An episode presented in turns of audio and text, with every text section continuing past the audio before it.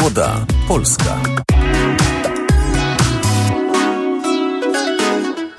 Młoda Polska w Radiu Tok FM. Ja nazywam się Wiktoria Jędroszkowiak i będziemy dzisiaj rozmawiać o klimacie.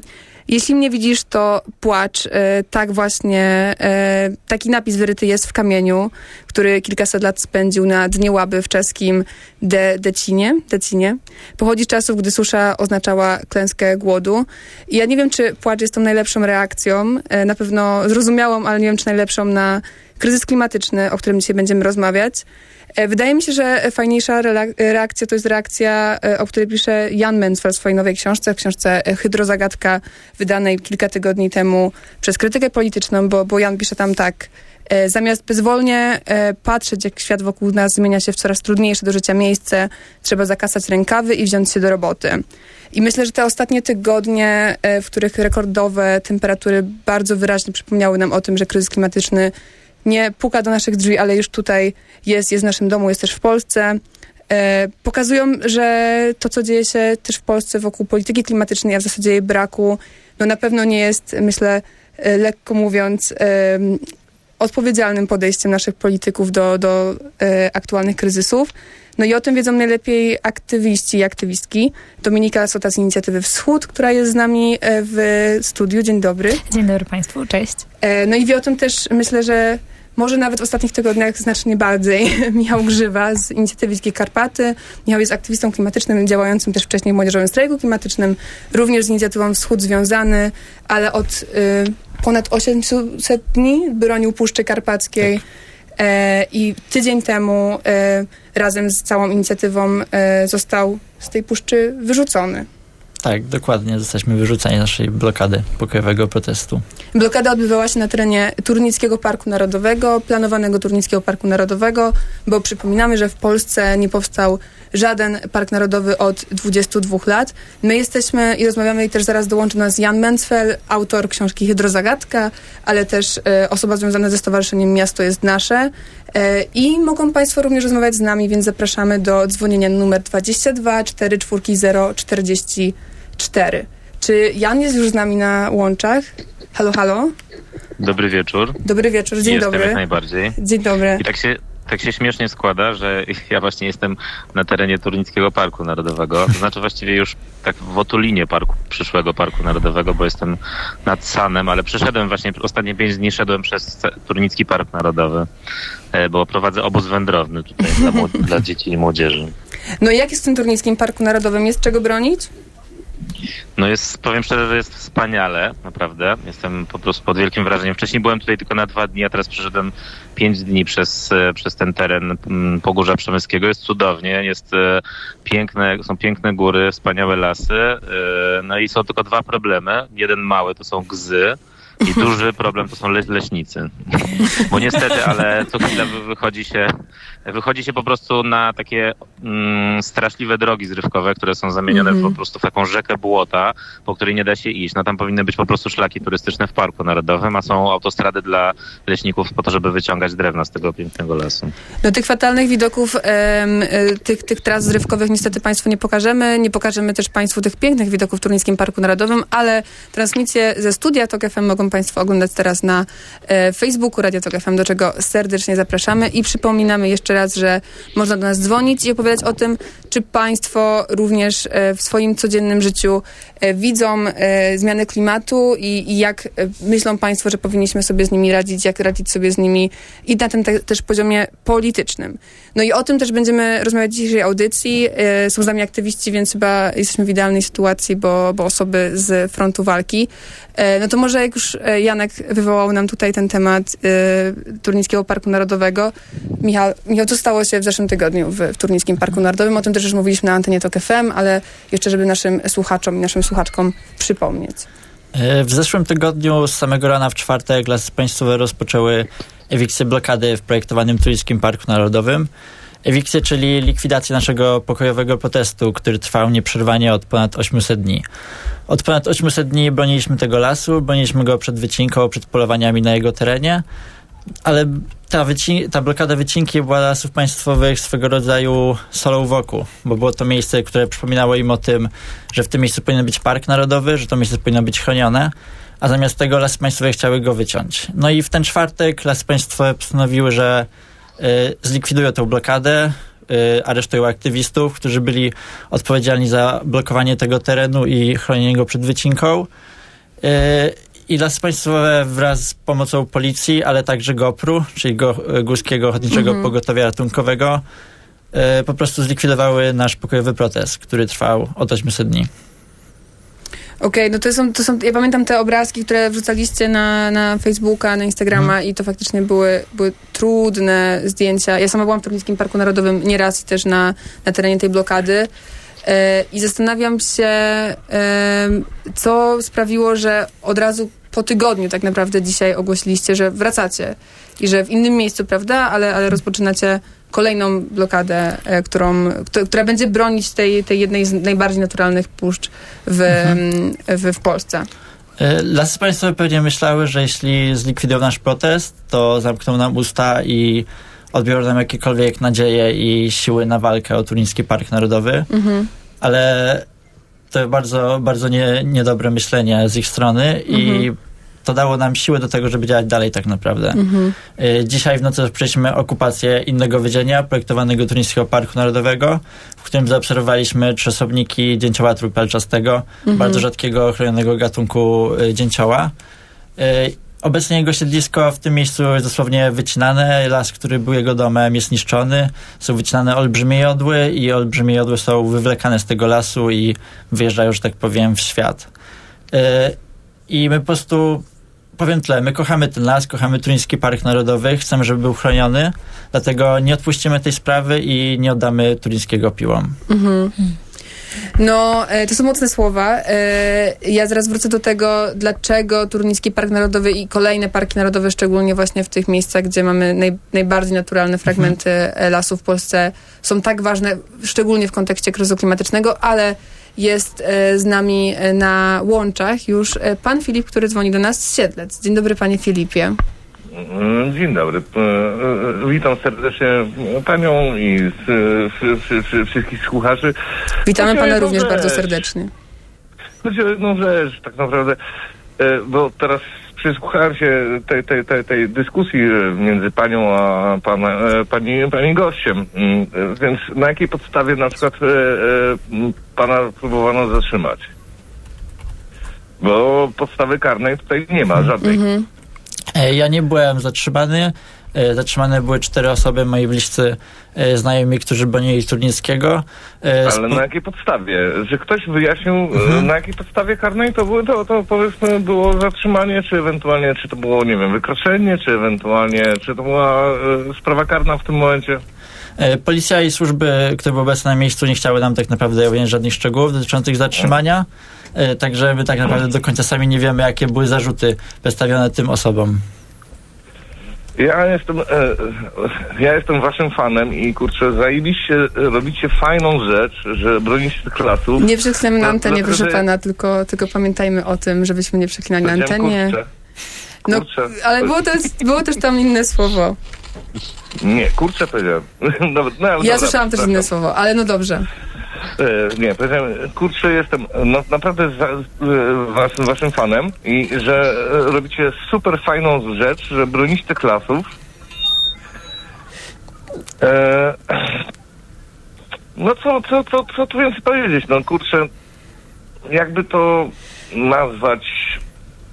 Jesteś bohaterami dla mnie. O. Dziękujemy panu Dziękujemy. bardzo, dziękujemy za te słowa. Przypominamy, że e, zapraszamy do dzwonienia do nas szczególnie, by rozmawiać o tym, jak państwo radzą sobie z kryzysem klimatycznym i co powinna zrobić nasza władza, co powinni zrobić politycy, by e, już planować odpowiednią politykę e, klimatyczną w Polsce.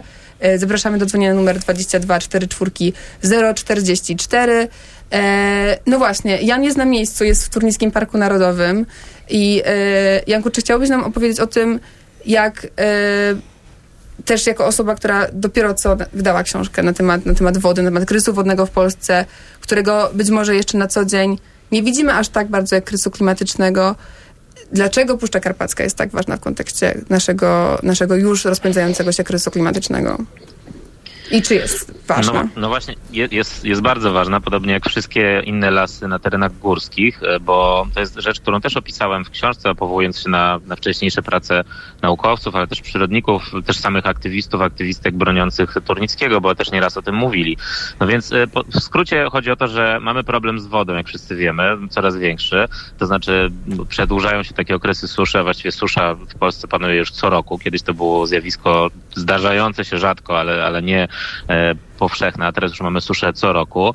E, no i mamy też e, coraz częstsze nawałnice, które powodują takie ryzyka gwałtownych wezbrań, powodzi błyskawicznych i to też są sytuacje, które się niestety zdarzają coraz częściej. To są wszystko rzeczy, o których naukowcy mówili, że będą się zdarzać. We wszystkich raportach APCC to było wymieniane jako jeden z największych zagrożeń dla Polski, dla naszego regionu związanych z kryzysem klimatycznym i to się właśnie dzieje. I teraz, dlaczego lasy w górach są ważne w tym kontekście? No więc w Polsce najwięcej deszczu pada w górach. E, I ten deszcz, który spada, może spowodować dwie różne rzeczy w zależności od tego, jak podejdziemy właśnie do terenów górskich. Albo wsiąknie w te góry, w taki, takim sensie, że zalesione góry zadziałają jak taka wielka gąbka, która przyjmie nadmiar deszczu w trakcie nawałnicy i potem będzie stopniowo ten deszcz, tą wodę oddawać do potoków, do strumieni górskich, a potem te strumienie będą zasilać większe rzeki, no i potem te największe, najważniejsze dla naszego, dla naszej sytuacji wodnej w Polsce. Mhm. Albo, i to się właśnie niestety dzieje teraz, kiedy lasy są na potęgę tutaj wycinane, kiedy nie tylko tracimy te, te najcenniejsze drzewa, E, właśnie ale też e, zamieniamy lasy w taką sieć, e, bo właśnie autostrad po prostu, bo tak to wygląda de facto, jak się idzie przez ten Turnicki Park Narodowy, nieistniejący jeszcze niestety, że po prostu co chwila wchodzi się na taką wielką przecinkę przez las, wyrżniętą po prostu wielkim sprzętem, rozoraną kołami wielkich maszyn i takie, takie, takie przecinki zamieniają się w trakcie nawałnic w rzeki, błota. I te rzeki błota w jeden dzień, czy w jedną noc, czy nawet jak na taka nawałnica potrwa dwie czy trzy godziny, tworzą wezbrania w tych właśnie górskich strumieniach i potokach. Gwałtowne wezbrania, które tutaj są coraz częstsze i mamy katastrofalne powodzie z niczego, z trzygodzinnego deszczu. Dlaczego tak się dzieje? Dlatego, że lasy państwowe wycinają właśnie Puszczę Karpacką, dlatego że traktują ten, e, ten, ten teren jako plantację desek. E, I oczywiście to jest informacja całkowicie przed nami ukrywana, przed wszystkimi. Oni oczywiście się nigdy w życiu do tego nie przyznają. No ale Lasy Państwowe się nawet... bardzo chwaliły tym, że, że usunęły e, tą, tą blokadę inicjatywy Dzikie Karpaty no tak, w Turniejskim Parku. Tak, tak, oczywiście, że się chwalili tym, że, że usunęli blokadę. Zrobili to z, z tego, co słyszałem w ogóle jeszcze w Dzień Leśnika. E, no więc to jest po prostu wojna. Czyli był prezent. Po to, żeby się Pewnie po tak, prezent dla, kole, dla kolegów, bo też no, tak, żeby się popisać, że, że mogą, prawda, potrafią. E, no ale fakty są takie, że lasy państwowe prowadzono tutaj polityką, nie tylko niszczą przyrodę, niszczą siedliska cennych gatunków, zabijają zwierzęta, e, wycinają kilkusetletnie drzewa, które powinny być pomnikami przyrody, e, bo to jest jedna tragedia, która się tutaj dzieje, ale druga to jest, że narażają tak naprawdę całą, cały kraj, a szczególnie te tereny położone w okolicach pod, pod, pod, podnoża tych gór na powodzie i pośrednio też e, zwiększają ryzyko suszy w całej Polsce tak naprawdę. Bo jeżeli te, te, te lasy górskie nie, nie, nie tworzą tej gąbki, nie tworzą takiej naturalnej maszyny do retencji wody, e, no to nic dziwnego, że potem mamy coraz częściej niskie stany w rzekach, e, no bo kiedy ten deszcz już spadnie, to on tymi drogami zrywkowymi spłynie bardzo szybko, zasili te rzeki, powstanie fala wezbraniowa, no i później mamy miesiąc na przykład bez deszczu i niski stan wody te mhm. lasy górskie mogłyby być tą gąbką, która by tą wodę stopniowo oddawała i niwelowała, może nie całkowicie, ale osłabiała efekt suszy y, w Polsce. No ale podziękujmy lasom państwowym za to, że tak się nie dzieje. Mogłyby, ale nie są. E, a w międzyczasie dzwoni do nas pan e, Darek, pan Darek, który jest z Poznania e, i dzwoni do nas, a ja przypominam tylko pytanie, że dzisiaj rozmawiamy o tym, czy Polska jest gotowa na kryzys klimatyczny, czy polski rząd przygotował nas na e, te ogromne fale upałów i, i to, czym są spowodowane, czyli właśnie kryzysem klimatycznym. Czy jesteśmy na to gotowi, Panie Darku? E, oczywiście, że nie jesteśmy gotowi. E, mm, jestem z okolic, nie z samego Poznania, z okolic Poznania. Od 25 lat mieszkam mieszkam na wsi, wyprowadziłem się z Poznania właśnie i dlatego e, e, jakby naocznie mam doświadczenia z, z tym, co się dzieje. 25 lat temu miałem staw, miałem świerszcze na łące. Na dzień dzisiejszy staw jest pusty, ponieważ niestety wody, wody jest coraz mniej, obniżają się niestety wody podskórne. Zwierząt, owadów jest też coraz mniej, coraz mniej jest e, świerszczy, pasikoników, których Mhm. kiedyś było bardzo dużo. E, No niestety o, o, o, obserwuję, że, że nasze władze i te, te do góry i na dole mm, są bardzo, bardzo nieudolne. Nic się nie robi chociażby z e, oszczędnością wody. Mhm. Uważam, że, że już e, dawno powinny być wprowadzone limi, limity takie standardowe na, na, na, to, na wodę, którą potrzebujemy do niezbędnego życia, a, a powinny być dwu, trzykrotnie większe stawki dla ludzi, którzy sobie e, e, e, myją na przykład wjazdy z Pozbruku. Mhm. Widziałem takie rzeczy z, z, zaocznie i to, i to nie raz. Y, temperatury po przeszło 30 stopni, a ktoś sobie e, e, e, stoi przed domem i myje przez 2-3 Mhm. godziny swoją, swój pod, podjazd kostki brukowej. Lu, ludzie kompletnie nie mają szac, szacunku do, do, do oszcz- oszczędności e, wody. Ale panie Darku, myśli pan, że to jest kwestia, to jest kwestia ludzi, to jest kwestia obywateli i obywatelek, czy to jest raczej kwestia tego, że też władza nie, nie, nie przygotowała nas na te kryzysy, na kryzys wodny, czy właśnie na kryzys klimatyczny, o którym też pan, czy kryzys bioróżnorodności nawet, o którym pan, pan już opowiedział.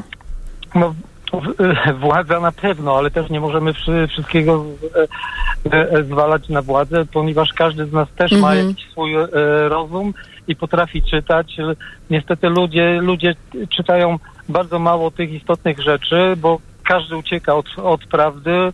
Lu, ludzie lubią żyć w zakłamaniu i nie interesują się tym, e, e, co jest tak naprawdę, tylko e, no, na, na potęgę wszyscy korzystają z tego, co, co mamy, nie, nie dając w zamian e, e, e, nic.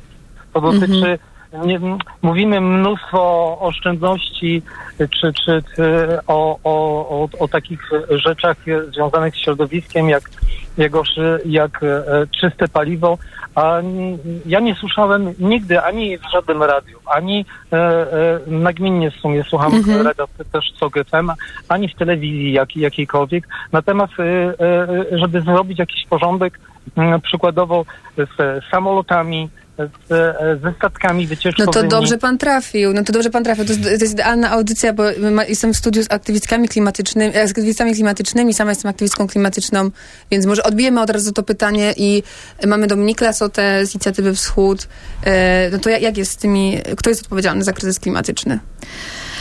No to dosyć duże pytanie. No myślę, że za ten kryzys To klimatyczny... jest bardzo długa audycja. Przede wszystkim e, ja rozumiem e, tutaj, panie Darku, też e, to, to myślenie, że no każdy z nas jest odpowiedzialny i że zwykli ludzie często nie szanują być może przyrody, ekosystemów na tyle, na ile byśmy tutaj wspólnie w tym naszym czwórkowym teraz gronie chcieli. Ale jest tak, że jak myślimy o kryzysie klimatycznym, no to no to są nieco więksi złole niż taki typowy, taki typowy Kowalski. No chociaż Janusz Kowalski to myślę, że do grona złoli się zalicza. Natomiast za kryzys klimatyczny przede wszystkim odpowiada z mojej perspektywy no, przemysł paliw kopalnych, czyli wszyscy ludzie, lobbyści, biznesmeni, menedżerowie związani z ropą, z gazem i z węglem, no bo to te paliwa są, napędzają nam ten taki, no ten globalny e, kryzys i, i, i tę zmianę klimatu. No i później szerzej patrząc, no różne te takie, te, te, te wielkie przemysły, no i tutaj przemysł lotniczy też się w tym, e, w tym myślę, załącza, przy czym no jak patrzymy procentowo, no nie tak statystycznie, no to em, kwestia transportu i przemysłu transportowego, samochodów, lotnictwa i tak dalej, no to jest trochę mniej niż ten wielki przemysł, no związany z energetyką chociażby. Bardzo dziękujemy panu, panu Darkowi. E, jeszcze jest z nami Jan Mencfel, który nadaje do nas wprost z Turnickiego, planowanego Turnickiego Parku Narodowego. No właśnie, jak jest z tą tak, odpowiedzialnością? jestem. A kto jest odpowiedzialny za kryzys wodny właśnie- w Polsce? No właśnie, no właśnie świetnie, że ten temat się pojawił, bo też jedną z myśli mojej książki, którą, z którą tutaj e, no bardzo, bardzo chciałbym, żeby ta, ta, ta myśl się jakoś przebiła, bo, bo trochę obawiam się, że właśnie z, z kryzysem wodnym będzie, będzie tak, że będziemy bardzo się wszyscy sami obwiniać za własne jakby niedociągnięcia, jakieś tam nieekologiczne e, zachowania, będziemy wyliczać co chwila sobie swój ślad wodny, prawda, i zakręcać wodę i tam myć zęby, nie wiem, raz dziennie, a potem podlewać To e, będzie kolejny, kwiaty. kolejny ślad do, do wyliczania, powiem węglowy. No tak, no bo tak naprawdę nie da rady, prawda, do, do końca jakby żyć ekologicznie w systemie, w jakim żyjemy.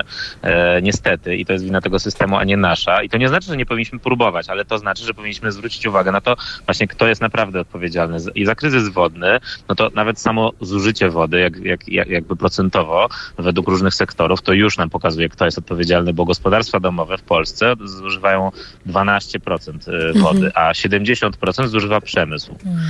Z tego zdecydowana większość to jest e, górnictwo, ale nie tylko. Bardzo dużo też zużywa rolnictwo, więc naprawdę mamy bardzo dużo do zrobienia w kwestii zmian systemowych, bo na przykład jeżeli mamy taką sytuację, że wody z największych naszych rzek mogą być bezkarnie, właściwie bez, bez żadnej kontroli ze strony organów państwowych eksploatowane przez wielkie zakłady położone w okolicach tych rzek, że może być wylewana z wielkich e, kopalni e, zasolona woda e, do, do Odry, czy też do Wisły i to jest tylko nasze wielkie szczęście, że taka katastrofa jeszcze się nie powtórzyła w Wiśle, taka jak ma, jaką, z jaką mamy do czynienia w Odrze, no to naprawdę to są problemy, na które my, obywatele, powinniśmy zwrócić uwagę, na które, który, mm -hmm. którego rozwiązania powinniśmy się domagać od polityków, zamiast zamartwiać się tym, że znowu, prawda, e, trochę za długo mieliśmy odkręcony kran podczas kąpieli. E, no to, to nie, nie zbawimy świata biorąc krótsze prysznice, ale zbawimy świat, jeżeli KGHM i e, spółki węglowe, nie wiem, pana Zygmunta Solo-Żarzaka przestaną drenować nasz nasz, nasz krajobraz z wody, a lasy państwowe przestaną wycinać e, lasy w Turnickim Parku Narodowym, bo to mhm. będzie prawdziwa systemowa różnica, którą wszyscy odczujemy. Mhm. Systemowa różnica, którą wszyscy odczujemy, to jaka jeszcze systemowa różnica musi być e, taką, którą odczujemy w najbliższych tygodniach, najbliższych miesiącach, też w obliczu tego, że ten kryzys klimatyczny oczywiście jest jakimś bardzo skomplikowanym procesem, który się dzieje na całym świecie, również w Polsce, no ale są takie rzeczy, które dzieją się w tym momencie teraz pod naszym domem, czy nawet w naszych domach, jak upały, które doprowadzają do, do sytuacji, w których wiele naszych dziadków, rodziców też nie wiem, wychodzi z domu, dlatego że, że jest po prostu zbyt gorąco. To jest historia, którą Dominika opowiadała mi przed, chwilę przed wejściem na antenie o swojej babci. Tak, no, że tak powiem, wbrew jakimś takim pomówieniom o tym, że dzisiaj, jako że mamy deszczowy dzień, to kryzys klimatyczny jest odwołany. Ten kryzys klimatyczny trwa i te, ta fala opałów, która ostatnio przytaczała się nad Polską i kolejna, którą już e, e, różne pogodynki i, i inni e, dziennikarze i naukowcy zapowiadają, to jest kolejny tak naprawdę sygnał o tym, że, że ta zmiana klimatu, ta, ta, ta katastrofa klimatyczna w tym momencie już tak naprawdę trwa i jest również u nas. No i dla mnie szczególnie jakieś takie tragiczne było ja, ja szczerze powiem, współpowiem, że dla mnie lato już od paru lat jest e, dosyć takim, no bardzo stresującym czasem. Wakacje wbrew temu, wbrew moim nadziejom, nie są dla mnie czasem, kiedy faktycznie mogę się tak e, wyluzować, zrelaksować i, i odpuścić, bo rzeczywiście, no jak mamy tam te 30-parostopniowe upały, no to bardzo, bardzo niepokoi mnie to, że no chociażby no moja babcia wtedy e, już teraz nie wychodzi tak naprawdę z domu, bo jest to dla niej niebezpieczne, słyszę o tym, jak to jacyś nawet moi znajomi w moim wieku, no nie, y, doznają udarów i, i, i, i że, że tak naprawdę ta sytuacja staje się bardzo, bardzo alarmująca. I to, co dodatkowo jeszcze mnie w tym okresie tak y, przeraża, to raz, no, nie, nie same te, te takie zdrowotne różne wypadki i, i, i, i ryzyka, które, które uderzają w ludzi, ale też to, y, jaka jest po prostu skala milczenia po stronie polityków i po stronie przemysłu i biznesów, które są za ten kryzys odpowiedzialne. No bo my się możemy śmiać, że no przecież to ten Daniel Obajtek sam tego po prostu falu pałów nas, nas nie ściągnął. No oczywiście, że tak nie jest, no ale to to on jest... Czyli Daniel Obajtek nie jest odpowiedzialny. No, chwila, chwila. O tym właśnie mówię, o, że, e, że, że on jako jedyny, ja, jako jedyny nie jest za to odpowiedzialny, ale jest częścią problemu, bo to on jest mhm. odpowiedzialny za spółkę Skarbu Państwa, która jest największą firmą związaną z paliwami kopalnymi w Polsce, która nadal planuje, uwaga, jeszcze więcej inwestycji w ropę i w gaz, w spalanie tych fatalnych paliw, które ten kryzys tylko będą pogłębiać. No więc to jest, e, jak, jak, jak te skutki tego kryzysu faktycznie się pojawiają, to nie myślmy o tym, ile prądu możemy wyłączać, tylko że rzeczywiście za tymi kryzysami stoją konkretni ludzie. E, I teraz jest z nami też na linii e, pan Paweł z Gdyni, e, więc powtarzam pytanie, mamy chwilę jeszcze, moment czasu, więc, więc pytanie brzmi i pytamy dzisiaj o to, jak Polska jest przygotowana i czy Polska jest przygotowana na już trwający kryzys klimatyczny. Dzień dobry. Witam Państwa bardzo serdecznie, witam Państwa słuchaczy, sąsiadów z Gdyni i z całej Polski, witam Państwa w studiu. Witamy również. Mam, y, jest, ja jestem podwo- y, jakby radnym z Gdyni, z jednej dzielnic. I Czyli politycy już wrócić- do nas dzwonią, bardzo nie, dobrze. ja nie jestem politykiem, tylko akty- tylko społecznikiem. Mhm. Jak, jak, jakby odpowiednikiem miejskim sołtysa. Y, I mam, chciałbym wrócić do, że tak powiem, korespondencji y, z lasami państwowymi, gdzie, Mhm. na, gdzie mieliśmy takie zebranie y, z leśnictwem w ramach konsultacji społecznych i na odpowiedzi, y, na odpowiedzi czekaliśmy ile? Dwa miesiące y, i z, po, z ponagleniem. I, y, a chodzi o to, o, y, o y, y, Trójmiejski Park Krajobrazowy. Mhm. Też próbowali coś tam wycinać y, i a kom, komunikat był bardzo lakoniczny i, i właściwie y, nie, nie mający Mhm.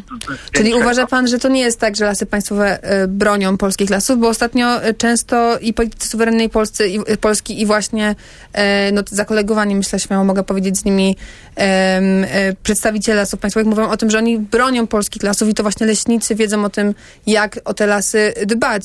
Czy, nie, nie zgodzi się z pan z tym, czy, czy, czy, czy raczej nie? Politycy bardzo dużo mówią, prawda? Na każdy temat. I tyle. Ale zgadza się pan z tym, że lasy państwowe nie chronią polskich lasów, czy... czy... E, znaczy, prezesi la- lasów państwowych oczywiście, że nie. Pojedynczy le- leśnicy e, starają się na swoim podwórku. Mhm. Bo znam też również takie przypadki. Mhm. Bardzo panu dziękujemy i życzymy powodzenia w walkę o przyrodę również nad morzem. E, ze mną w studiu jest Dominika Lasota oraz Michał Grzywa, a łączył się z nami Jan Mentfel, za co bardzo dziękujemy.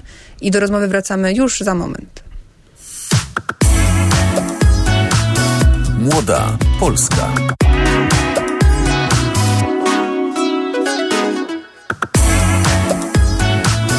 Młoda Polska. I wracamy do Młodej Polski, a e, dzisiaj rozmawiamy o tym, o czym e, wszyscy na pewno myśleliśmy w ostatnich dniach, czyli o tym, że było gorąco, ale też o tym, że to ostatnie aż tak chłodne lato. Kryzys klimatyczny już tutaj jest i towarzyszy nam w naszej codzienności i zastanawiamy się nad tym, czy jako, zarówno jako mieszkańcy, jak i jako państwo jesteśmy na to e, gotowi. Zapraszamy do dzwonienia do nas na numer 22 4 4 044. Będziemy rozmawiać z Państwem i odpowiadać sobie na to pytanie. I na to pytanie teraz odpowie nam Pan Dariusz, który dodzwonił się do nas e, z Warszawy, więc, więc niedaleka. Dzień dobry, Panie Dariuszu. Dzień dobry. No, ja nie jestem już młodym, można powiedzieć, ale, ale chciałem zabrać e, w tej audycji głos. Tak Tutaj nie wykluczamy, zapraszamy, wszyscy mogą dzwonić, nie muszą być Państwo, nie muszą się Państwo czuć młodzi, żeby do nas się dzwonić. Dzień dobry. Jasne, jasne, oczywiście. E, e, ja dzwonię, żeby dwa słowa powiedzieć z pozycji inżyniera hydrotechnika, czyli inżyniera wodnego. Mhm. Nie? E, To jest trochę taki zawód przedstawiany, bym powiedział, generalnie w pogardzie w ostatnich latach, bo się obwinia inżynierów e, o różne rzeczy, które prawdziwe nie są. Ale Okej. tu nie chcę... Ale co nie jest sprawie prawdziwe? No to, to betonowanie rzek, e, które powszechnie jest przedstawiane jak... No to jest dezinformacja, bo nigdzie w Polsce żadnego betonowania rzek nie, nie było i nie ma, można powiedzieć. Więc... e, Tak? W Polsce nie, nie betonuje się rzek w, w ogóle? Nigdzie? Żadnej rzeki? żadnej rzeki się nie betonuje, bo, czasami e, dokonuje się zabudowy technicznej e, w, sensie e, budowy jakichś budowli piętrzących, ale to nie jest betonowanie rzek. Natomiast jest wiele przykładów, gdzie hydrotechnika wiele Mhm. dobrego i do wielu rzeczy dobrych się przyczyniła. Mhm. I w tym zakresie chciałem dwa słowa, jak pani pozwoli powiedzieć. Tak, tak, ale dzisiaj rozmawiamy o tym, czy e, jako mieszkańcy i jako państwo jesteśmy gotowi na trwający kryzys klimatyczny. E, Tak, więc, więc może wróćmy do tego. Mhm. Tak, właśnie tak, to chciałem powiedzieć. Super. Że że dzisiaj mamy no, dosyć deszczowy dzień i, i z tej ilości wody, która spadła w Polsce dzisiaj e, szczęśliwie z nieba, Mhm. tylko dwa albo może co najwyżej 3% zostanie zretencjonowane, czyli zatrzymane Mhm. w różnych zbiornikach wodnych, w różnych zbiornikach, nie tylko hydrotechnicznych. I gdyby porównać e, retencjonowanie w Polsce, stos, już nie porównuję do Niemiec, ale porównajmy na, nawet do Hiszpanii, to w Polsce, żeby to zrównoważyć i do tego doprowadzić, trzeba by retencjonować 6 mil, około 6 miliardów metrów sześciennych wody, co przy, co na przykład, e, gdyby porównać, no to zbiornik Solina, ten w Bieszczadach lub na przykład po, Czorsztyn Niedzica w, w, na pograniczu Pienin, no to są zbiorniki, które powiedzmy retencjonują 400 milionów metrów sześciennych. A Panie Czyli- Dariuszu, mam takie pytanie, bo jak tu pana mamy, takiego inżyniera, Tak. eksperta, no bo ja na przykład słyszałam o tym, że jednym z takich e, najbardziej efektywnych sposobów na retencjonowanie wody to jest odwracanie tego trendu, który w Polsce niestety przez ostatnie dekady miał miejsce, czyli tego betonowania chociażby rynków. No nie, ja pochodzę z Bydgoszczy, tam się urodziłam, no i tam e, parę lat temu e, wycięto wszystko, co możliwe na starym rynku i mamy teraz takie wielkie płyty betonowe, no więc Tak. tam generalnie zero retencji się nie odbywa, a Jan Mensfeld, który też z nami był wcześniej z Miasto jest Nasze, mówi, że i, i wielu innych też e, społeczników i ekspertów mówi o tym, że odbetonowywanie chociażby tych rynków, tych naszych polskich miast, tych parkingów i tak dalej, że to jest świetny sposób na to, żeby tą retencję przeprowadzić. To, to jest, to jest dobry sposób i ja też nie kwestionuję tych oczek wodnych, do których Państwo namawiacie, ale Mhm. to ma znaczenie głównie edukacyjne. To nie rozwiąże problemów gospodarki wodnej w Polsce, dlatego że nam potrzeba 6 miliardów, a 6 miliardów to jest 15 zbiorników Czorsztyn albo, albo, albo zbiorników Solina. Tak? Prze- No tak, ale pani- mówię po prostu, mhm. żeby przemówić do wyobraźni Jasne. Państwa, że, że to jest problem, którego niestety, niestety podkreślam, bez zabudowy technicznej nie da się rozwiązać oczkami wodnymi. Cho- Chociaż te wszystkie renaturalizacja tych bagiennych regionów y, i tych wszystkich y, miejsc, gdzie woda powinna być naturalnie retencjonowana, ona na pewno się do tego przy, przyczyni. Może zmniejszy to, ten, tą potrzebę o miliard metrów sześciennych. Ale nie, nie No tak, ale to nigdy nie jest tak, że mamy problem albo rozwiązany, albo on, on, on rozwiązany e, nie jest, więc, więc to za, nigdy nie jest czarno-białe, prawda? Bardzo dziękuję panie, Oczywiście. panie Dariuszu za ten głos. dążyć do tego, tak. Proszę Bardzo, bardzo, dziękujemy za ten głos. Nie wydaje mi się, żeby ktoś w studiu tutaj namawiał do małych e, oczek wodnych, ale do wielu różnych ciekawych rzeczy e, namawia Jan Mencel, którego już z nami nie ma na antenie, ale który niedawno e, wydał bardzo ciekawą książkę na temat kryzysu wodnego w Polsce, który już e, trwa. Przypominam pytanie, e, rozmawiamy dzisiaj o kryzysie klimatycznym i pytamy, sobie, pytamy się nawzajem i tutaj w studiu, ale też pytamy Państwa o to, czy jako mieszkańcy, ale też jako państwo, jako Polska, nie tylko młoda Polska, jesteśmy gotowi na trwający już kryzys klimatyczny i dodzwonił się do nas pan Stanisław e, z Elbląga. Dzień dobry panie Stanisławie. Dzień dobry Państwu. Słucham z zaciekawieniem i y, z pewnego rodzaju irytacją y, pewnych wypowiedzi. Do tej pory byłem przekonany, że parków narodowych w Polsce mamy 23, a Państwo mówią o 24 Turnickim Parku Narodowym. O planowanym Turnickim. Parku Narodowym. Pierwszy raz słyszę, że o planowanym. Proszę mówić konkretnie. I To bardzo konkretne.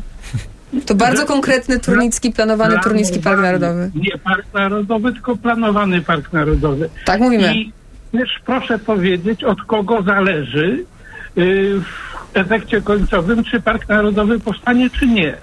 To Tego też nie usłyszałem. To świetnie, że bardzo panu dziękujemy za to pytanie. Przypominam, że pytamy dzisiaj o to, czy jesteśmy jako mieszkańcy, jako państwo gotowi na już trwający kryzys klimatyczny, ale e, tak się złożyło, że mamy na pewno eksperta od e, parków narodowych, czyli e, Michała Grzywę z inicjatywy Dzikie Karpaty, który e, zajmuje się tym, by o nowe parki narodowe e, walczyć. Chociaż wydaje mi się, że jak tu siedzimy w studiu, to wszyscy jesteśmy młodsi niż ostatnio Tak, tak. założony Tak. W Park 2001 Narodowy w roku Polsce. powstał ostatni park narodowy. Tak, i wydaje mi się, my obie jesteśmy z jesieni, więc wydaje mi się, że to był, on powstał w lipcu, więc niedługo będzie właśnie 22, 22 urodziny tego najmłodszego Parku No Narodowego tak, w więc Polsce. za naszego życia nie powstał żaden park narodowy w Polsce, a Turnicki, projektowany Turnicki Park Narodowy czeka na powstanie już od ponad 40 lat. Mhm. E, Plany objęcia tego terenu ochroną, tak jak mówiłem, są od 40 lat. Już Park Narodowy miał powstać, ale zabrakło podpisu ministra. Mhm. I obecnie jesteśmy w takim momencie, że y, taka pałeczka jest przepychana między tym, czy ten park powstanie, czy nie,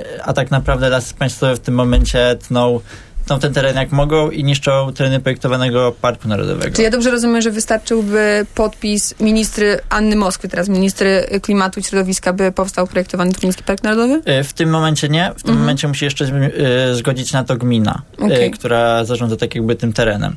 A gmina obecnie nie jest nastawiona przychylnie do powstania Parku Narodowego, przede wszystkim ze względów ekonomicznych i tego, Mhm. że parki narodowe nie do końca opłacają się obecnie polskim społecznościom y, takim lokalnym, Mhm. bo polskie prawo jest po prostu w zły sposób skonstruowane. I bardzo się cieszę, że jesteśmy przy tym temacie, bo myślę, że to jest idealny moment, by porozmawiać o tym, e, że mamy takie pojęcie jak sprawiedliwa transformacja i to jest Mhm. pojęcie, które pewnie obydwoje odmieniać przez wszystkie przypadki w każdym możliwym momencie, wywiadzie i, i też, nie wiem, poście na swoich Facebookach i Instagramach.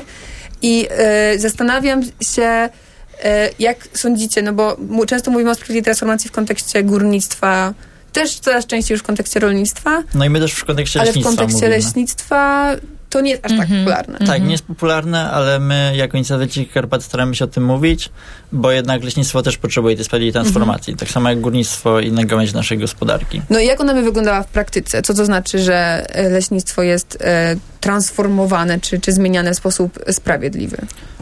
Y, No przede wszystkim, żeby więcej terenów ochronnych było, więcej terenów y, leśnych było chronione i żeby osoby, które były zatrudnione w sektorze, który w jakiś sposób eksploatował te lasy, znalazły miejsce w, pracy w innym chociażby sektorze, Mhm. albo w tym samym, ale w innym miejscu, który nie będzie ingerował w tereny ceny przyrodniczo.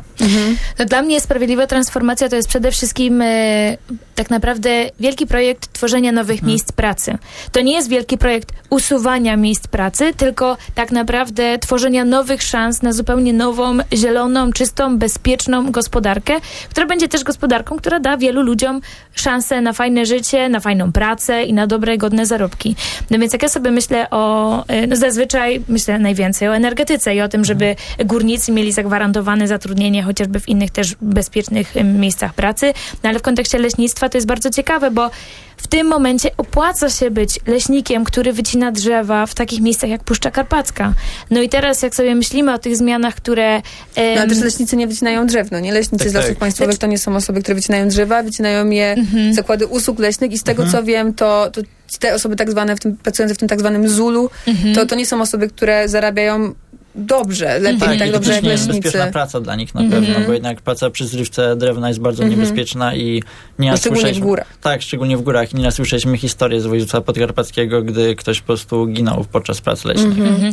No tak, ale, ale, ale jednocześnie jakby słyszymy, no jest takie społeczne też poparcie, które płynie ze strony rządu chociażby, no nie, że osoby, które zajmują się tą gospodarką leśną, to jakby, i, i, czyli no niestety w tym momencie też wycinką y, pięknych y, obszarów o niesamowitej bioróżnorodności w Polsce, no że oni są stawiani na pierwszym miejscu i teraz y, no wiemy, że mamy problem, no to jak sprawić, że teraz tak naprawdę pewne inne miejsca pracy i inne role i faktycznie takie mm, jakby miejsca pracy i, i, i, i robota, która będzie związana z ochroną tej przyrody, z e, faktycznie ze stworzeniem tych parków, stworzeniem tam nowych miejsc pracy, że, że nagle to stanie się Czyli takim... opłacalna praca w, e, w parkach narodowych. Tak, tak, żeby rzeczywiście musimy, y, tak naprawdę praca w parkach narodowych musi stać się bardziej opłacalna i, i bardziej też promowana od tej pracy, która związana jest z niszczeniem polskiej przyrody. Mhm. I e, nie wiem, czy w tym temacie, ale dodzwonił się do nas pan Remigiusz spod Poznania. Przypominam, że dzisiaj rozmawiamy o kryzysie klimatycznym. No i pytamy państwa i też pytamy teraz pana Remigiusza, czy jako państwo, ale też jako mieszkańcy jesteśmy gotowi na e, kryzys e, klimatyczny, który już tutaj jest i, i ostatnie upały tylko nam o tym przypominają. Dobry wieczór. Dobry wieczór. No i jak to jest z tym Yy. kryzysem klimatycznym? Czuje pan go? Mm, Więc tak, y, ogólnie jako państwo uważam, że nie jesteśmy przygotowani, Mhm. bo temat jest trudny. Wody faktycznie ubywa. nie jestem jakimś specjalistą, ale wystarczy popatrzeć na poziomy jezior, które od lat opadają. No tak, często I- się mówi o tym, że zasoby wodne w Polsce są podobne do tych zasobów wodnych, które ma Egipt, no co jest też takim No, egzotycznym bardzo dużo, porównaniem. e, Bardzo dużo wody, że tak powiem, marnujemy. E, Tutaj jeden pan hydrotechnik mówił, że nie, nie ma tej retencji właściwej. To się zgadza. I ja bym też chciał powiedzieć, że potrzebna jest zmiana jakiejś też mentalności społecznej, bo oczywiście to nie załatwi problemu, ale też nie możemy mówić, że lato w Polsce jest fajne, kiedy lipiec, sierpień nie ma opadów, tak? Należy Mhm. mówić y, wprost, że opady są potrzebne, że wakacje to nie jest jakieś 35 stopni i pięknie świeci słońce, no bo w ten sposób Polska bardzo szybko y, spustynnieje nam. Z tym się wiąże problem y, ogólnie całej Europy, gdzie y, oprócz tej emigracji y, zarobkowej, napływu ludności północnej Afryki, dochodzą te zmiany klimatyczne, które są również y, w Europie i w tej Afryce, gdzie ludzie po prostu będą przesuwali się na północ, bo tam będzie możliwe życie w związku z brakiem wody. Także temat jest szerszy. Y, moje krótkie stwierdzenie jest, że y, nie jesteśmy przygotowani, ale to Mhm. nie chcę tutaj jakoś atakować politycznie. Po prostu no nie jesteśmy. Nie byliśmy 10 lat temu, teraz też nie jesteśmy. No a panie Remigiusz, mogę mieć takie pytanie, jak tu już y, pana mamy.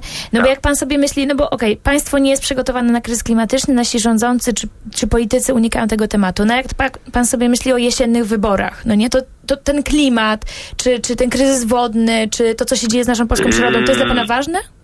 Jest ważne, natomiast chcę powiedzieć, że jakby dzwonię do Państwa i to nie jest tak, że ja w 100% zgadzam się z tym ogólnym tokiem tutaj myślenia. E, Klimat jest bardzo ważny, brak wody, y, brak tej retencji, o której wspominał tutaj jeden z panów i wybory ok, natomiast ja się bardzo boję, że niektóre osoby z polityki będą do tematu po- podchodziły bardzo tak pobieżnie, czyli ty źle, to będzie dobrze. No nie mamy takiej pewności, tak? No zakładamy, że y, jaka, jaka to będzie władza po wyborach, no to bardziej się tym po prostu tematem zajmie. No czy zakładamy, to nie, nie wiem, nie wiem, czy tak, nie wiem, czy, czy tak zakładamy. Tak. Na No, pewno, powinno na pewno tak być. chcemy, chcemy tutaj, myślę, że aktywiści y, w studiu się ze mną zgodzą, że, że chcą o to, o to walczyć. Mhm. To do aktywistów. Ja jestem za. Musimy wodę szanować, musimy ludzi uświadamiać. Yy, nie każdy musi mieć trawnik na, yy, na podwórku i go ciągle zlewać wodą. Ja w tej chwili przyszedłem na yy, takie coś ala łąkę. Tej wody w wózach zdecydowanie No to zapylacze u pana mają świetnie. do podlewania, tak. I tu jest jakby rola do, do spełnienia również dla mediów. Natomiast odnośnie tych panów studiów chciałbym też trochę być z drugiej strony spojrzeć. Nie możemy całkowicie podejść do tego, że krytykujemy leśników. Gospodarka leśna to jest cały proces. Ten proces trwa y, od posadzenia drzewa do wycinki od 80 do 100 lat. I ja wiem, są obszary, Tak, które tak, ale my, mówimy bardzo- o gospodarce leśnej. Gospodarka leśna to jedno, ale też ochrona polskiej przyrody, która już Yy. gospodarką nie jest, to, to drugie. Myślę, że tutaj inicjatywa Tak, natomiast, Karpaty zajmuje pani, się e, ochroną ja tej dzikiej rozumiem. przyrody. Chodzi o tą konkretną przyrodę. Natomiast nie można wrzucać leśniku do jednego worka, że ktoś jedzie ulicą drogą i mówi, o, bo leśnicy wycinają las. Tak, to jest zostaliśmy, że tak, to nie oni. na- Drugie- Nie, to nie oni. Nie chodzi o to, że to jest zły. Y, Leśnicy no nazurym oczywiście Tak, muszą wydać tak, zgodę tak, na tak. które obszary. Natomiast wie pani, no z drugiej strony się mówi, że drewno jest surowcem odnawialnym, tak? Ostatnio przeszliśmy na y, No, czy y, jest? drewniane urzeczki i tak dalej. No skąd te drewno brać, skoro nie chcemy plas- plastiku, tak? No gdzieś, gdzieś też musi być y, y, zdrowy rozsądek, że no, nie możemy leśników wrzucać do jednego worka, że leśnicy są Bardzo- wrogami przyrody. Bardzo dziękujemy panu za ten głos. No czy drewno jest odna, odnawialne, to ja nie bym się nie zgodziła, ale zastanawiam się, co o tym myślą nasi, e, nasi goście e, i nasza gościni, Dominika Lasota z Inicjatywy Wschód. No myślę, że ym, biorąc pod uwagę to, że ten kryzys klimatyczny jest już na tyle alarmujący, y, to ym, jakby wycinanie drzew, które są naszymi tak naprawdę no, naturalnymi takimi sojuszniczkami, sojusznikami w tej walce z kryzysem klimatycznym, bo właśnie one są w stanie e, zachować tą przyrodę, która zachowuje wodę, różne gatunki zwierząt i są takimi po prostu naturalnymi obrończyniami, te nasze polskie, e, e, obrońcami, te nasze polskie lasy, no to wydaje mi się, że to taka bardzo rabunkowa gospodarka leśna, która niestety w Polsce ma miejsce od bardzo wielu lat, no jest po prostu błędna i to też e, niestety e, muszę przyznać, że naiwne jest e, takie, naiwna jest taka wiara w to, że dobra, jeszcze parę lat trochę możemy tego biznesu na tych naszych polskich drzewach zrobić, a potem się pomyśli, no bo im będziemy przesuwać te naprawdę potrzebne działania e, ochrony tej polskiej przyrody, czy im będziemy przesuwać zmiany, które muszą się zadziać w innych gałęziach naszej gospodarki, jak właśnie chociażby tej energetyce i tak dalej, i tak dalej, to ten problem będzie narastał i obudzimy się za parę lat i będzie już naprawdę taki bałagan z tym wszystkim, że nie jestem, e, że tak powiem, e, nie, nie wiem, czy będzie jakakolwiek partia polityczna, jakikolwiek polityk, który będzie chciał się w ogóle tym zajmować. No i w ostatnich tygodniach też, e, czy w dniach tak naprawdę widzieliśmy, bo zaró- za, za, zaledwie dzień przed tym, jak e, miała miejsce faktycznie, miało miejsce zniszczenie tej blokady, którą, e, którą mieliście w, e, którą inicjatywa Dzikie Karpaty miała w e, planowanym Turnickim Parku Narodowym w Puszczy Karpackiej.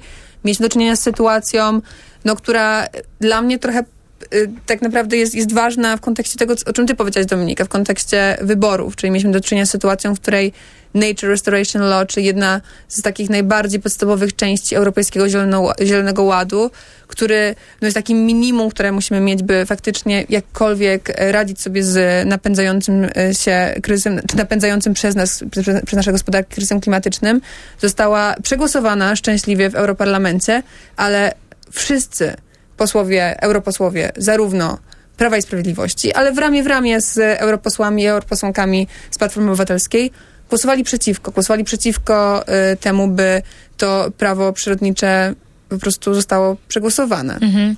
No, jesteśmy w, w, w, w, sytuacja w tym momencie jest, y, jest taka, że widzimy, że te kryzysy są naprawdę już palące. Czy to kryzys związany z przyrodą, z wodą, czy kryzys klimatyczny. I o do tych kryzysów wrócimy już zaraz po przerwie. Rozmawiamy o kryzysie klimatycznym, a w studiu ze mną jest Dominika Lasota, aktywistka klimatyczna z inicjatywy Wschód oraz Michał Grzywa, też aktywista klimatyczny z inicjatywy Dzikie Karpaty. Zapraszamy na informacje.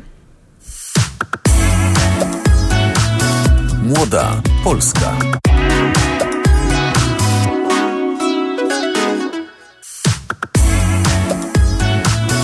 Młoda Polska. E, Młoda Polska inform- po informacjach e, słyszeliśmy przed momentem o tym, że prawica najprawdopodobniej wybra- wygrała wybory w Hiszpanii, a też ruch klimatyczny tam bardzo mocno kampaniował, by, by głosować na klimat. O tym głosowaniu na klimat jeszcze dzisiaj porozmawiamy, ale słyszeliśmy też o termomodernizacji e, w szkole, do której chodziła Dominika Lasota, z którą dzisiaj rozmawiamy. Rozmawiamy też z Michałem Grzywą, o jego liceum. E, Nie słyszeliśmy w inform- informacjach, ale jest z nami e, pan Krzysztof ze Starych Babic, e, który już pół godziny czeka z nami tutaj na antenie, więc dziękujemy bardzo za pana cierpliwość. E, I przypominam, że rozmawiamy dzisiaj o kryzysie klimatycznym i pytamy pana również o to, czy jako mieszkańcy, ale też jako państwo jesteśmy gotowi, by sprostać kryzysom, w tym właśnie temu kryzysowi klimatycznemu, który tak bardzo odczuwamy, szczególnie odczuwaliśmy w ostatnich dniach. Dzień dobry. Dzień dobry, dobry wieczór. Czy my jesteśmy gotowi? No cóż, to e, chyba w czasie wyborów się okazuje, to jest probierz tego, czy jesteśmy gotowi, na kogo głosujemy, czy na ludzi dalekowzrocznych, czy na krótkowzrocznych. Ja chciałem się podzielić taką niepokojącą refleksją, a widzę trend, mm, który mogę opisać na przykładzie tutaj lokalnie e, Puszczy Kampinoskiej pod Warszawą, Mhm. ogromna, jak i na, może nawet największa w Polsce. E, Co się dzieje? Nie E, wydaje jak, mi się największa w- w Polsce, ale faktycznie ogromna, no i też taka, która e, daje tutaj nam odetchnąć w Warszawie na pewno w te, w te szczególnie gorące, to- upalne weekendy. Jest to, jest to wielkie połacie e, puszczy, która od przynajmniej kilkudziesięciu lat jest e, w ramach e, wielu pokoleń leśników przywracane są puszcze, dawne jej tereny przez trwające przez kilkadziesiąt lat do tej, do niedawnego czasu oczywiście, bo tego już nie ma, e, te tereny, które były rolnicze czy tam gospodarskie. I teraz zgoła odwrotny trend, bardzo niepokojący. E, obawiam się, że takie mam wrażenie, że to może być w pogoni za szukaniem pieniędzy z wpływów podatkowych ze względu na klasyfikację ziemi nieleśnej, a e, rolno-budowlanej czy tam budowlanej. E, co się dzieje? Kilka tygodni temu Rada Gminy Stare Babice e, uchwaliła, mm, że lasy o statucie ochronnym będzie zdejmowany e, z Halo? Halo, halo, słyszymy pana, słyszymy. Tak, tak. Będzie, będzie zdejmowany status lasów ochronnych i uwaga, ze wszystkich lasów defaultowo e, dla całej gminy e, Stare Babice, powiat warszawski zachodni.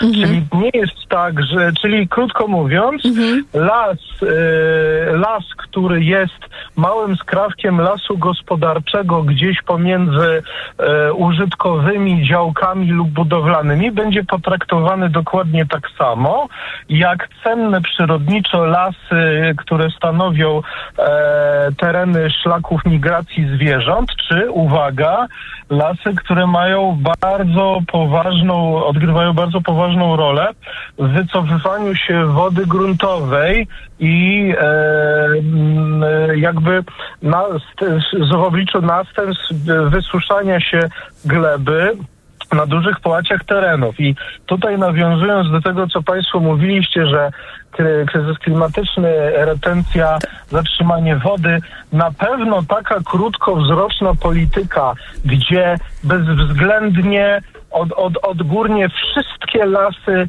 mają zdejmowany status ochronny, bez jakichś systemowych rozwiązań, które by pod lupą dokładnie, mając na względzie wielodziesięcioletnie albo i dłuższe interwały przywracania, powiedzmy, e, się, odnawiania się przyrody, lekceważone są te interwały. te, Czyli, te czyli cykle sugeruje pan, że potrzebujemy po prostu takiej polityki klimatycznej, która będzie myślała o pokoleniach, a nie o kadencjach tylko i wyłącznie, bo teraz często To pewnie... znaczy, no, na, pewno, na pewno mi się bardzo nie podoba to, że tak jak mówię, od razu zastrzegam, że jest to moje wrażenie, że łatanie budżetu i krótkie rozwiązania nie dla przyrody, tylko krótkie jakieś e, fiskalne czy temu podobne rozwiązania, które pod płaszczykiem urbanizowania, chociaż ja uważam prywatnie, że nie wszystkie tereny należy tak samo urbanizować, bo są tereny, które już od nastu czy kilkudziesięciu lat, na przykład pod Warszawą,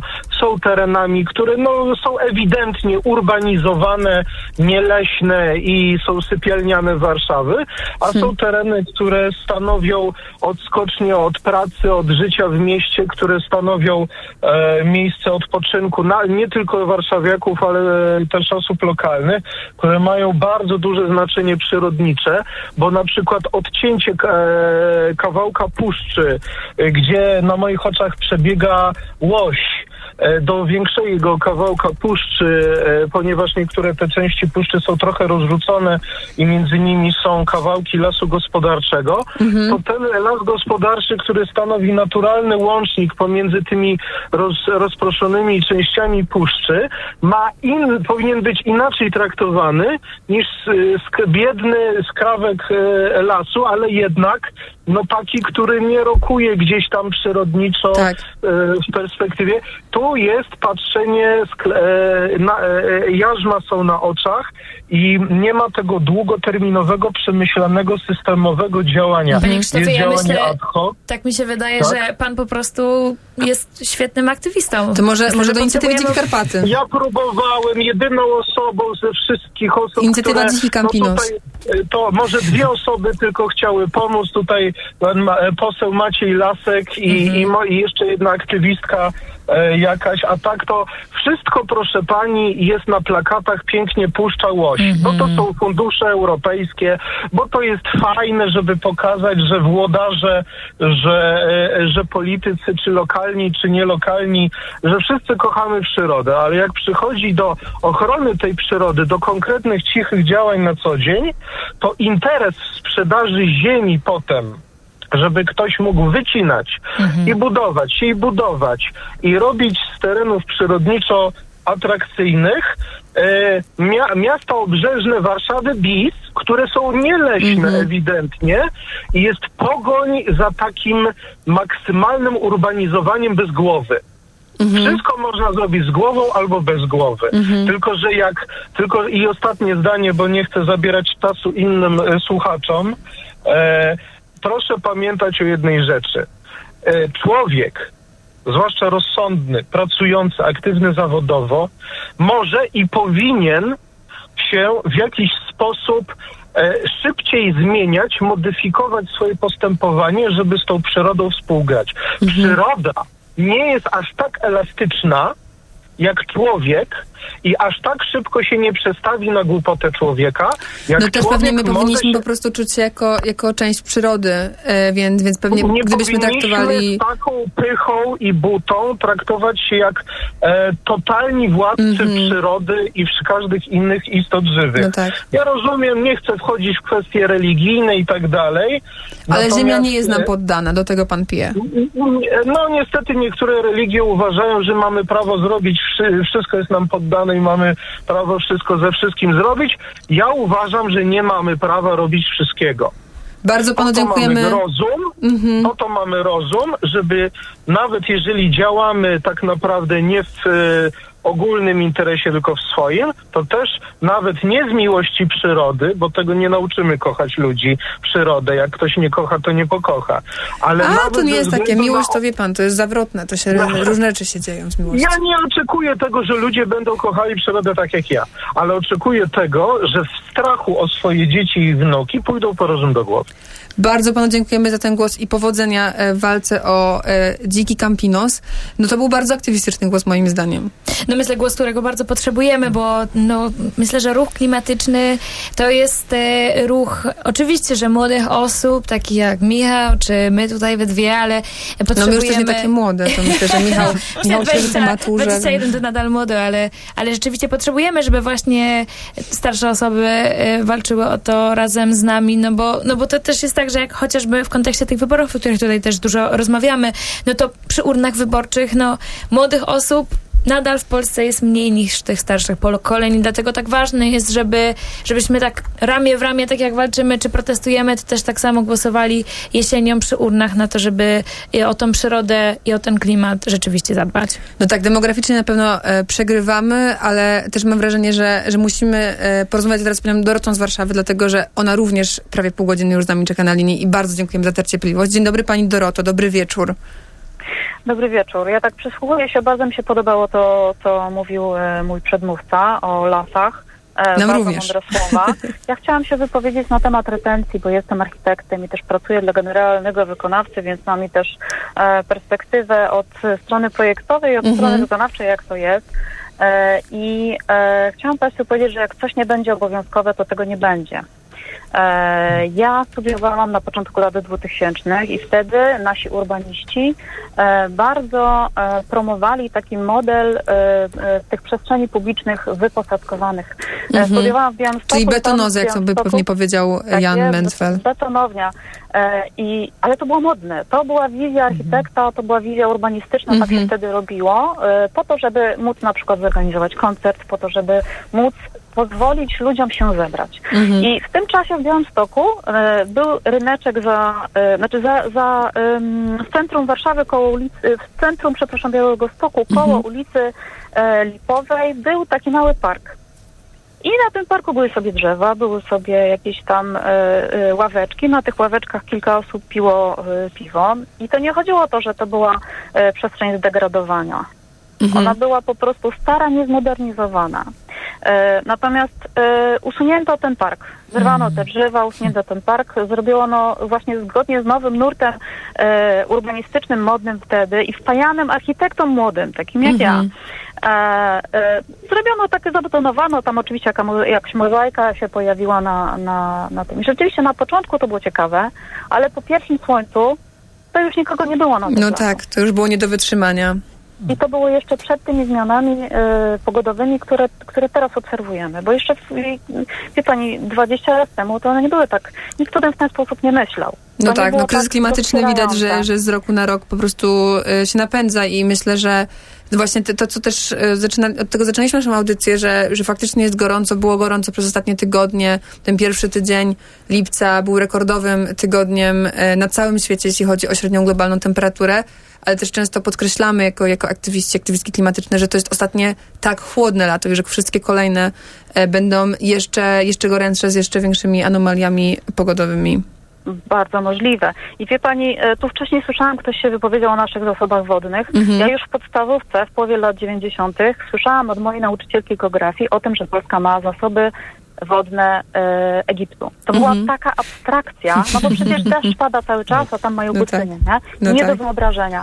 Natomiast e, jakieś 15 lat temu odwiedziliśmy znajomego architekta w Belgii. 15 lat temu. Mhm. A, I on akurat budował dom, e, więc pokazywał nam ten dom, tu takie okna, a tam jest zbiornik na deszczówkę.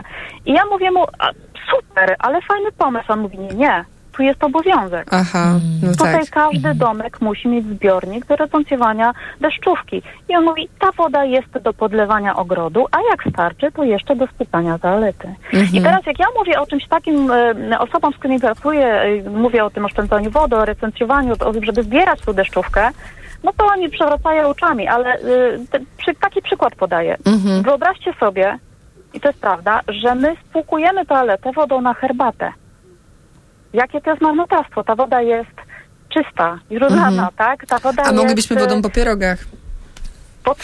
deszczówką. No właśnie, woda szara. I takie rozwiązania też już są. Tylko, wiecie, je, żeby coś takiego zrobić, no to potrzeba na przykład zdublować instalację. Na przykład tą wodę, wodą wodę szarą e, zbierać i ponownie ją wykorzystywać. Czyli musimy pewne e, nakłady finansowe ponieść.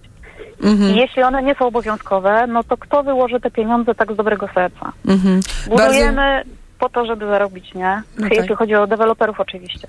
No tak, no to Więc jest myślę, jeśli szkoda, że nie ma z nami Jana Mencfela, bo pewnie on by parę słów na temat tego, na temat podejścia deweloperów i, i w ogóle też patodeweloperki, które myślę, że akurat w Warszawie to na pewno bardzo, bardzo wyraźnie odczuwamy. Bardzo Pani dziękujemy za ten głos e, i za tą refleksję.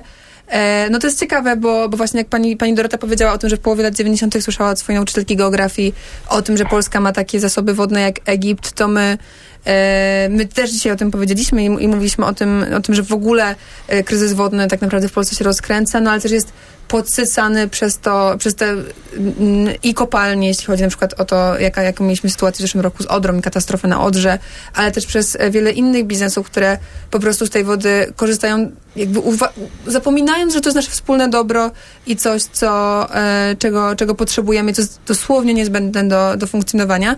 E, ja tak się zastanawiam e, i, i trochę głośno teraz pomyślę nad tym, no właśnie, jak to jest z tym, że, że te, często te wielkie biznesy wiedziały. Jest, była taka akcja, wciąż zresztą, zresztą trwa, nazywa się Exxon New. Exxon to jedna z największych firm paliwowych na świecie. E, cała akcja dotyczyła tego, że Exxon wiedział, czyli, czyli właśnie osoby pracujące, osoby de- decyzyjne w tym, w jednym z większych koncernów paliwowych na świecie wiedziały o tym, że zmiany klimatyczne zachodzą i będą zachodzić jeszcze bardziej już w latach 70., a mimo to, mimo tej ekspertyzy, no zrobiły circa about nic i jeszcze więcej, by tylko ten kryzys klimatyczny podsycać i by e, tworzyć i inwestować w nowe inwestycje w paliwa kopalne. E, O tych inwestycjach w paliwa kopalne też zaraz porozmawiamy, bo porozmawiamy już stricte też o aktywizmie i o, o tym, co, co wy robicie, jakie sprawy dla was są teraz ważne w, ważne w kontekście kryzysu klimatycznego i obrony świata, który jeszcze, jeszcze wokół siebie mamy. Przypomnę tylko numer dla naszych słuchaczy 224 044 to jest ten numer, na który mogą Państwo dzwonić i rozmawiać z nami o tym, czy jako mieszkańcy jako państwo jesteśmy na kryzys klimatyczny gotowi. No na razie taka, te odpowiedzi są raczej skierowane e, bliżej tego, że, że nie. No myślę, że bardzo, y, znaczy mnie pociesza to, że nie tylko my uważamy, że e, Polska nie jest przygotowana na kryzys klimatyczny. Cieszy mnie też to, że to właśnie starsze osoby też coraz bardziej zwracają uwagę, że polscy politycy zawalają Mhm. w tej kwestii, bo no wiecie państwo, to też jest często tak, że My organizujemy te wszystkie protesty, te wszystkie strajki, te wszystkie akcje. Mówimy o tym na prawo i lewo. Piszemy o tym do wszystkich naszych znajomych, rodzin. Czasami już te rodziny, te nasze ciotki, mamy się wkurzają, że dobra, już Boże, Dominika, przestań, już wystarczy. No i, i dlatego... No a potem babcia nie może wyjść z domu. A babcia nie może wyjść z domu, no to zdecydowanie. Natomiast y, każdy taki głos y, starszych, starszych osób, które rzeczywiście y, też są przejęte, to jest no, dla nas osobiście i dla mnie osobiście wielkie, wielkie wsparcie. No tylko ym, mówiąc, y, trochę nawiązując do tego, co powiedziałaś o tym, że, że ten wielki przemysł wiedział i, i, i, i nic nie zrobił. No myślę, że to jest największa tragedia tak naprawdę y, tej, tej, tej sytuacji, w której tkwimy, bo to my, w sensie zwykłe osoby, e, będziemy się i borykamy się już z tymi kryzysami, to my się tym przejmujemy, a są ludzie, którzy na co dzień wchodzą do tych siedzib tych firm, czy wchodzą do tych ministerstw i one w 2023 roku dalej podejmują takie same decyzje, Mhm. jak często podejmowano właśnie w latach 90., czy jeszcze dalej. Dalej Albo gorsze. Albo gorsze, albo jeszcze gorsze, no dokładnie. Bo też ta wiedza jest większa, świadomość jest większa, no i, i też wola jest większa, bo jak zobaczymy sobie na statystyki, to już nawet jeśli faktycznie politycy mieliby kierować się tylko i wyłącznie tym, gdzie są wyborcy i czego chcą wyborcy i wyborczynie, no to widzimy, jakie jest ogromne poparcie dla odnawialnych źródeł energii, dla odchodzenia od paliw kopalnych i to, że na przykład przy wybuchu, e, przy wybuchu rosyjskiej agresji, tej pełnej, pełnoskalowej rosyjskiej agresji w Ukrainie, widzieliśmy bardzo wyraźnie, że Polki, Polacy zdawali sobie sprawę z tego, że już nie tylko węgiel, ale również gaz i ropa, którą od Rosji kupujemy, e, no, są po prostu śmiercionośne i zarówno w kontekście kryzysu klimatycznego i w, kon, w kontekście wojny. No tak, no i, i te, też e, myślę, że to, co jest ważne, to że te, te, ten, te, te czasy, w których żyjemy, trochę zmieniają, przynajmniej według mnie, to, kto jest radykalny. Bo nam często, takim osobom jak, jak Mhm. mnie czy Michałowi, często się wmawia, że to my jesteśmy ci radykalni. No nie, bo Mhm. się gdzieś stratujkujemy, gdzieś podniesiemy głos, komuś się, się postawimy i powiemy jakieś parę, parę konkretów w twarz. E, ale w sensie, to, to nie my jesteśmy radykalni. To nie my Mhm. podejmujemy decyzję o tym, żeby podpisać kontrakt z Katarem na gaz, to nie my podejmujemy decyzję o tym, żeby wjechać do najpiękniejszego parku narodowego, czy planowanego parku narodowego, turnickiego i tam po prostu zrobić rzeź na tej polskiej przyrodzie. Więc Ja nie podejmuję tych decyzji. Konkretni ludzie, tak jak Anna Moskwa, czy różni szefowie spółek energetycznych podejmują te decyzje i to oni są radykalni. Mhm. No a czy ty jesteś radykalny, Michał? Uważasz, że jesteś radykalnym aktywistą klimatycznym?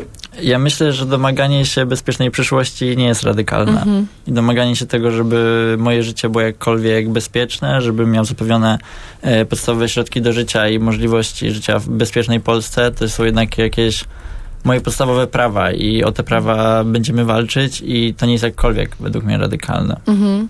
No ja też tak myślę i, i często zastanawiam się e, nad tym, tak naprawdę, czy, czy powinniśmy rozmawiać o tym, kto tu jest radykalny, czy po prostu wziąć się do roboty, e, tak, tak mówiąc zupełnie wprost i zacząć e, zajmować się tym, by, by te kryzysy ograniczać, ale też by ich dalej nie powodować. No a jak mówimy teraz sobie o tym, że, że jest upalnie, że często, nie wiem, e, już tutaj powracamy kolejny raz do twojej babci Dominika e, i ja się uśmiecham, ale to nie jest zabawna historia o tym, że, że faktycznie starsze osoby, dla nich to jest po prostu niebezpieczne, by, by z tych domów w trakcie upałów niejednokrotnie e, wychodzić. Dodzwoniła się do nas pani e, Ewa z Wrocławia, więc dobry wieczór pani Ewo. Dziękujemy, że pani nas słucha i że była pani cierpliwa. Wieczór. Dobry wieczór. Dobry wieczór. No jakoś tak cudem mi się udało po prostu. Biegłam do domu, wzięłam za telefon. Oj, pani Ewo, nie musiała pani biec, to niebezpieczne. Proszę uważać. No musiałam biec, dlatego że ja jeszcze wy, wyczołgałam się z domu po zakupy, ale dobrze do rzeczy. Y, Więc tak na początek jeszcze może w nawiązaniu do, do wczorajszego tematu, ale za krótko. Oj, mnie wczoraj nie było, to ja nie wiem, czy będę panu, pani umiała odpowiedzieć. Bo to też, och, nie, ja nie będę, nie, nie, nie odpowiedź, tylko mam taki, taki Mhm. pomysł, bo kobiety, ludzie to też środowisko, też by trzeba chronić, więc żeby nie mówić o kobietach w ciąży, tylko o człowieku w ciąży. Może Mhm. jakoś do kogoś dotrze. A To bardzo ważna uwaga, dziękujemy. Wracając do klimatu, to wie pani, ja jestem geologiem z wykształcenia i jak ja pamiętam, miałam zajęcia z profesorem Zwierzyckim, to jak on wszedł na pierwsze zajęcia, stanął przy katedrze i pierwsze, co nam powiedział, wbijcie sobie do głów, że w Polsce nie ma wody. Mamy mniej wody niż w Egipcie. I to było w 70 roku. Jest. O wow. roku. To samo mówił profesor świętej pamięci, profesor, pan profesor Pieniążek, który Mhm. mówił, że za 50 lat możemy tu zacząć uprawiać banany. No i jesteśmy na najlepszej drodze. Zgadzam się z państwem, że radykalni to są e, e, Wie pani, dla mnie to jest rozbór, to jest po prostu zbrodnia to, co się robi z przyrodą polską. Mhm. Te plany z prostowaniem, odrybetonowaniem, to po prostu y, y, pani, y, to skóra cierpnie. Mhm. Natomiast jeśli chodzi o takie proste rzeczy, które by można robić i mówi się o tym od lat i wciąż nie ma efektu, to jest koszenie traw. Mhm. Więc No tak. Wrocław no niby co jakiś czas rośnie, potem jak są te największe upały, to ta trawa jest koszona. Mhm. Jeszcze trawę należy kosić tylko wtedy, kiedy przy opadającym księżycu, czyli kiedy y, woda nie idzie w roślinie do góry, tylko na dół. Bo O, wtedy ciekawe, nie wiedziałam. łącznie z korzeniami. To ludzie, którzy się tym zajmują, powinni Mhm, wiedzieć. no tak. No i wie pani, robi się też takie rzeczy, że się wygrzebuje ziemię spod krzewów. Mhm. To jest czysty obłęd. Ja kiedyś zaczepiłam, bo to taka brygada, dużo ludzi z Ukrainy się tym zajmowało. Mhm. I oni tak stanęli i mówią, proszę panią, u nas się tego nie, nie wolno. Mhm. Na, nas się wygrzebuje. Te wszystkie liście, ja rozumiem, jak coś leży, no, spadają liście na jezdnię, czy na chodnik, prawda, gdzie to jest niebezpieczne. Ale to są krzewy, wewnątrz, po zieleńcach gdzieś. I spod tych krzewów z uporem maniaka wygrzebują te wszystkie liście parę razy do roku, razem z tą ziemią. Te krzewy się ogałacają, te ko- szyjki korzeniowe.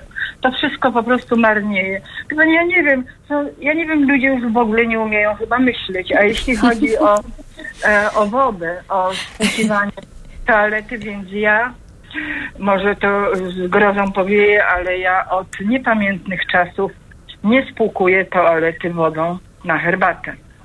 Każdy z nas myje naczynia, każdy z nas myje się, każdy z nas robi pranie i może to trochę jest niewygodne, ale można postawić wiaderko i e, można spłukać toaletę wodą, którą się już do czegoś zużyło. Mhm.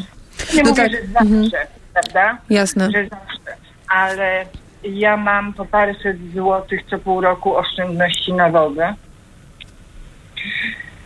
Znaczy nie uważa pani, że to jest trochę tak, że ja, ja bardzo doceniam te, te, te zmiany, które pani y, sama wdrożyła w swoim życiu i uważam, że no gdybyśmy, gdyby chociaż połowa Polaków i Polek e, miała takie podejście, to pewnie bylibyśmy teraz w innym miejscu i może nasze zasoby wodne byłyby też w innym miejscu, ale zastanawiam się, czy to nie jest tak, że to nie powinno być po naszej stronie, tylko po stronie państwa, po stronie polityków i polityczek, by faktycznie... Pani, nie, Mhm. bo ja wie pani, ja przepraszam, ale każdy dureń może zostać politykiem. To jest taka przedziwna zależność, że to nie mądrość, rozsądek i chęć czynienia dobra ogól, dla ogółu czyni człowieka politykiem, tylko... Tak, tak, tak. e, Mhm. Ja to rozumiem, tylko ja pytałam o coś innego. Ja pytałam o to, Tak. czy... Mhm, przepraszam. Ja uważam, że należałoby położyć nacisk, no trzeba by te dzieci wychowywać od, od, od, od przedszkola, a nie od żłobka, zwracając na pewne rzeczy uwagę. My jesteśmy jakimś dziwnie biernym społeczeństwem, wie pani. Mhm. To, co się u nas dzieje. Ja pamiętam, ja chodziłam na pierwsze, na wszystkie protesty, na które mogłam. Jeździłam nawet do Warszawy. No po prostu wszędzie i na, na każde protesty, jeśli chodzi o puszczy i po prostu ludzie siedzieli, pili piwo, niektórzy się śmiali, inni nas wyzywali, wie pani. Mhm. I po prostu my jesteśmy przedziwnym społeczeństwem. Doszliśmy do tego, że wszystko można z tymi ludźmi zrobić i każdy uważa, że to system, że to, że to nie ja. Ja nic nie muszę. Ewentualnie jak już mi nie pozwolą albo każą. Mhm. No i tym sposobem... No to jest smutne, to jest- tego doszliśmy. I jeszcze jedną rzecz powiem, bo rozmawiałam chwilę z kolegą pani, który odebrał telefon, Mhm. bo ja jestem, mówię, no, więźniem Tak, pozdrawiamy piętra. Michała Tomasika, naszego ja wydawcę. Pozdrawiam. E, W ogóle pozdrawiam wszystkich. E, Czwartego piętra, tak zwanego, przeklętego czwartego piętra. Aha. To, były, to powinno być prawem zabronione. Robienie mieszkań w budynkach, gdzie, e, o płaskich dachach, gdzie ja mam nad sobą tylko czarny dach i strop, który tam ma, nie wiem, pół metra czy 40 Mhm. Czyli musi być pani bardzo gorąca, jak są te upały. No 30 stopni, wie O pani. matko. No to nie do życia. To nie do życia. Mhm. Y, I wie pani, y, i zdarza się, y, bo ja ogólnie to według medycyny to już dawno powinnam nie żyć. Jezu, pani. Ewo, to dobrze, że panią mamy jeszcze taką aktywistkę. No i pani do nas dzwoni, taka rzeźka i żywa. Się czołgam albo biegnę. Mhm. Jak się czołgam, to zdarza się, że ja tydzień nie wychodzę z domu, bo nie jestem w stanie po prostu. Mhm, mhm. A ile pani ma No, lat, pani Ewo, jeżeli to mogę tak zapytać? Bo w takiej 69 kondycji? Radośnie skończę 22 października. Mhm. Nogi mi chcieli odcinać, jak miałam 38, bo na to nie ma lekarstwa, także staram się, robię wszystko, co mogę, jogę, mudry, oddychanie, kijki. No to pani Ewo, taki, takiej Ja- kondycji bardzo, jak pani ma, to bardzo dużo, wszystkim dużo zdrowia pani życzymy i bardzo pani dziękujemy za, tą, za tę historię i za te, za te doświadczenia. E, no to była, to była smutna, e, smutna wypowiedź na temat polskiego e, społeczeństwa. No ja mam jeszcze jednak trochę więcej wiary, bo też jak tutaj rozmawiamy z wami i, i często jak myślę sobie o tym, o czym jest też ten program, ten program jest o młodej Polsce i często o młodych osobach, które em, faktycznie biorą sprawę w swoje ręce i nie godzą się na tą zastaną rzeczywistość. Oczywiście jest tak, że każdy z nas ma jakąś tam odpowiedzialność, też żyjemy w takim miejscu na świecie, w którym ta odpowiedzialność jest większa niż na przykład na, na globalnym południu. No ale ja jednak uważam, że, że jest tak, że to politycy są odpowiedzialni za to, że nie, e, no w Polsce po prostu polityki klimatycznej nie ma i na razie niewiele wskazuje na to, że będziemy ją mieli, bo jak też patrzymy na kolejne programy wyborcze, to oczywiście mamy takie, e, takich posłów, takie posłanki, które się tym zajmują. Mamy, nie wiem, Urszulę Zielińską z Zielonych, mamy Lewicę, która e, też e, o, o programy klimatyczne dba, e, ale na przykład mamy takiego Donalda Tuska, który dużo o programie klimatycznym mówi, a właśnie Michał, e, który jest ze mną w studiu, szczęśliwie miał okazję e, go skonfrontować kilka tygodni temu i dopytywać O plan tym sprawiedliwej razem transformacji, o plan tak, sprawiedliwej tak. transformacji. E, no i Donald Tusk powiedział, że on nie chce całe życie protestować tak jak my, chociaż wczoraj nawoływał do marszu Miliona Serc 1 października, więc jednak te protesty czasem docenia, Może jakie... mu się spodobało. Może mu się spodobało jednak. No to pytanie, jak- czy Donald Tusk e, wysłucha aktywistów i aktywistek klimatycznych, które oczekują od niego konkretów. Michał, jak, jak, jak, jakie były twoje wrażenia po tym, jak, e, jak z nim rozmawiałeś? Mm, no miałem wrażenie, że on kompletnie nie rozumie sprawy i Mhm. tego, z czym my się mierzymy. Nie rozumie kompletnie kryzysu klimatycznego i tego, jakie działania musimy podjąć, aby, aby przeprowadzić proces sprawiedliwej transformacji. I mam wrażenie, że on trochę próbuje bawić się polityką i po prostu szukać. O, to jest bardzo odważne, że powiedzieć, że Donald Tusk, były premier, były przewodniczący Rady Europejskiej, bawi się polityką. No jest odważny, ale myślę, że potrzebujemy Radykalny. Czas, radykalny. Czasem potrzebujemy odważnych i radykalnych słów, żeby nazywać to, co, to, co obserwujemy. Mhm. I wtedy jeden z y, pracowników, który przygotowywał y, plany wyborcze Platformy Obywatelskiej, Programy, mhm. tak, programy Platformy Obywatelskiej, y, zapowiedział nam, że ten program zostanie za miesiąc ogłoszony. No obecnie mija drugi miesiąc od tego miesiąca, kiedy nie ma tego programu. I ja się trochę zastanawiam, kiedy my ujrzymy ten program, Nie śpię, bo czekam na program Sprawiedliwej Transformacji tak. od Platformy Obywatelskiej. kiedy my w końcu y, będziemy mieć polityków, którzy będą na serio brali kryzys Mhm. klimatyczny i którzy zaczną na serio o tym myśleć i proponować odpowiednie rozwiązania, a nie jedynie Mhm. mówić o tym i odkładać działania w czasie. Mhm. Jest z nami na linii też e, pani Magda, która dzwoniła się do nas ze Śląska, z Katowic e, i zastanawiam się, e, czy pani uważa, że jesteśmy gotowi na kryzys klimatyczny i czy nasi politycy są gotowi na, na ten kryzys klimatyczny? Dobry wieczór pani Magdo. E, Dobry wieczór, witam, witam. I Ja chciałam powiedzieć o bardzo ważnej sprawie, Mhm. którym- którą powinni zająć się politycy. O. Więc chodzi o To pani też aktywistka. Tak, tak, tak. Y, Ja chciałam powiedzieć o tym, że y, o, powodu, ja uważam, że powód, nie tylko ja, y, parę osób innych też uważa, że zmiany klimatyczne są spowodowane zupełnie czymś innym. Nie na pewno dymiącymi fabrykami, bo przez setki lat były, y, że tak powiem, fabryki budowane. Przez setki lat były fabryki budowane? Katowice, gdy się, ja pamiętam jak byłem dzieckiem, przyjeżdżałam do Katowic, to było No ale po 100 prostu lat to pani jeszcze nie ma.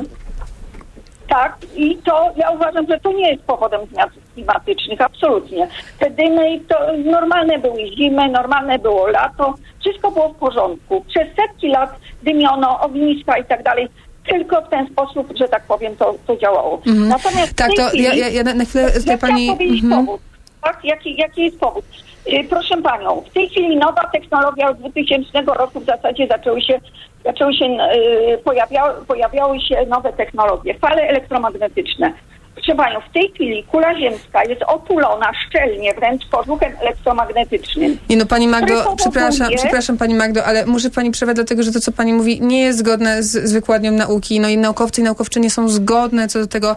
Kry- Kryzys klimatyczny jest jedną z najbardziej, najlepiej zbadanych spraw e, w historii nauki i wiemy o tym, że kryzys klimatyczny jest bezpośrednio wynikiem działalności, e, działalności człowieka, jest bezpośrednio wynikiem tego, że chociażby właśnie te fabryki, jak pani powiedziała, sama dymią. Ale jest z nami na linii już pan Aleksander, który dodzwonił się do nas z Warszawy. No, dzień dobry panie Aleksandrze, dobry wieczór. Dzień dobry, dobry wieczór, witam serdecznie. No i jak to jest z tym, z tym kryzysem klimatycznym? Są zmiany klimatyczne przede wszystkim. Kiedyś w Wyszogrodzie były winiarnie, a klimat uległ oziębieniu i tych winiarni już nie ma. Natomiast gdzie indziej temperatura się podwyższyła, więc tutaj klimat się cały czas zmienia. Mhm. Dziękuję, że pan to Oczywiście powiedział. człowiek jest największym, tak. człowiek jest największym szkodnikiem tej planety, natomiast chciałem się odnieść do mm, przed, przedmówczyni, która narzekała na płaski dach, który jej się nagrzewa. Mhm. Na to jest najprostsze rozwiązanie, które już dawno były wymyślone, mianowicie robić y, ogrody z konopi przemysłowych. W trzy miesiące ten dach jest cały zazieleniony, a hektar konopi, która rośnie trzy miesiące, produkuje tyle samo tlenu, ile 60-letni las. Co Mhm. więcej, potem z tych konopi można zrobić deski konopne, bo właśnie ja się tym zajmuję, robimy deski konopne, a one mają większą trwałość niż deski cedrowe. Mhm. Nie trzeba wycinać drzew, żeby pozyskiwać drewno. No, czyli da się jednak te innowacje robić tak, by były zgodne z, z Oczywiście, obecnymi czasami.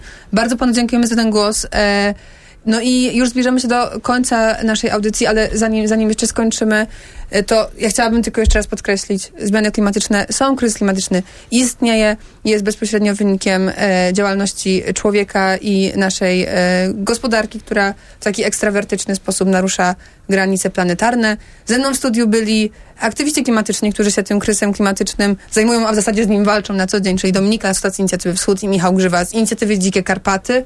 E, Program przygotowali dla, dla nas i dla Państwa Michał Tomacik i Martyna Lisy, a re- zrealizował go Krzysztof Olesiewicz. Dziękujemy bardzo i do usłyszenia już za tydzień w Młodej Polsce o godzinie 20 co czwartek. Zapraszamy.